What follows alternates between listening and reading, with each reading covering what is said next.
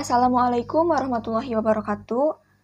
Sebelumnya, perkenalkan nama saya Zahrani Adelia dengan NIM 2004821 kelas 3B, Prodi Ilmu Ekonomi dan Keuangan Islam, Fakultas Pendidikan Ekonomi dan Bisnis, Universitas Pendidikan Indonesia.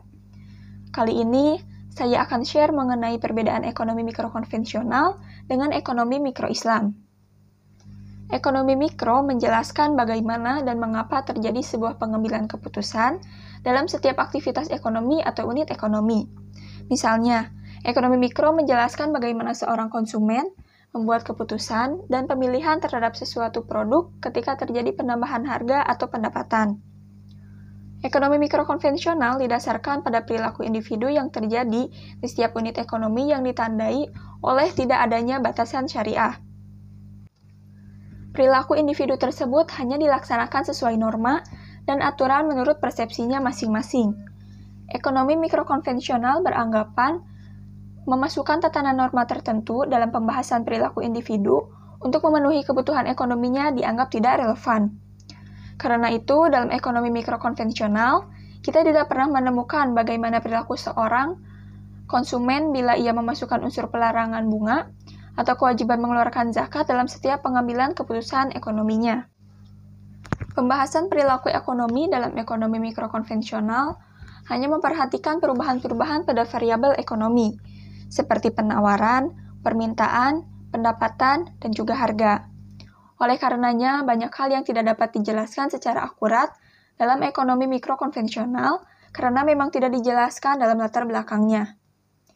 Berbeda dengan ekonomi mikro konvensional, dalam pembahasan ekonomi mikro islami, faktor moral atau norma yang terangkum dalam tatanan syariah dimasukkan menjadi alat analisis dalam pengambilan keputusan ekonomi. Ekonomi mikro islami menjelaskan bagaimana sebuah keputusan diambil oleh setiap individu atau unit ekonomi dengan memasukkan batasan-batasan syariah sebagai variabel yang utama. Beberapa perbedaan antara ekonomi mikrokonvensional dengan Islam di antaranya yaitu yang pertama, mekanisme pasar.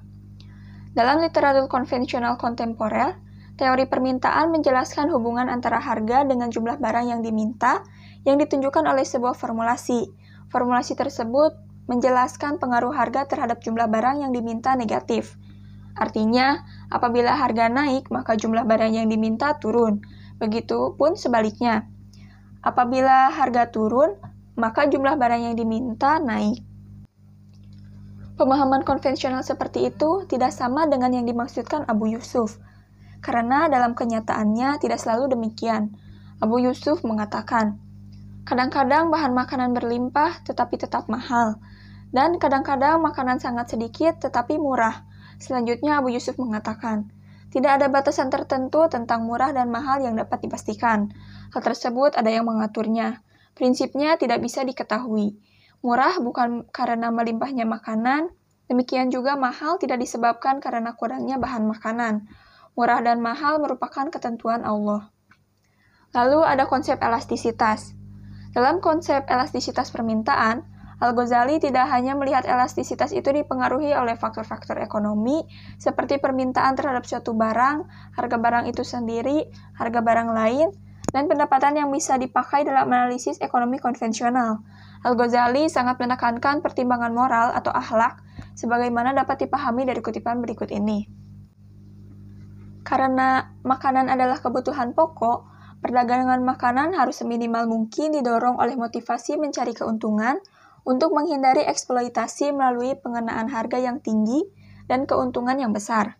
Keuntungan semacam ini seyogianya dicari dari barang-barang yang bukan merupakan kebutuhan pokok. Inilah salah satu perbedaan yang prinsipil atau mengutamakan etika atau akhlak dalam pola pikir ekonomi Islam dibandingkan dengan ekonomi konvensional yang lebih menekankan pada pola pikir rasional atau akal semata. Lalu, ada keadilan distribusi. Dalam sistem ekonomi konvensional, para pakarnya berbeda pendapat tentang keadilan distribusi. Setidaknya ada empat konsep keadilan distribusi yang berkembang.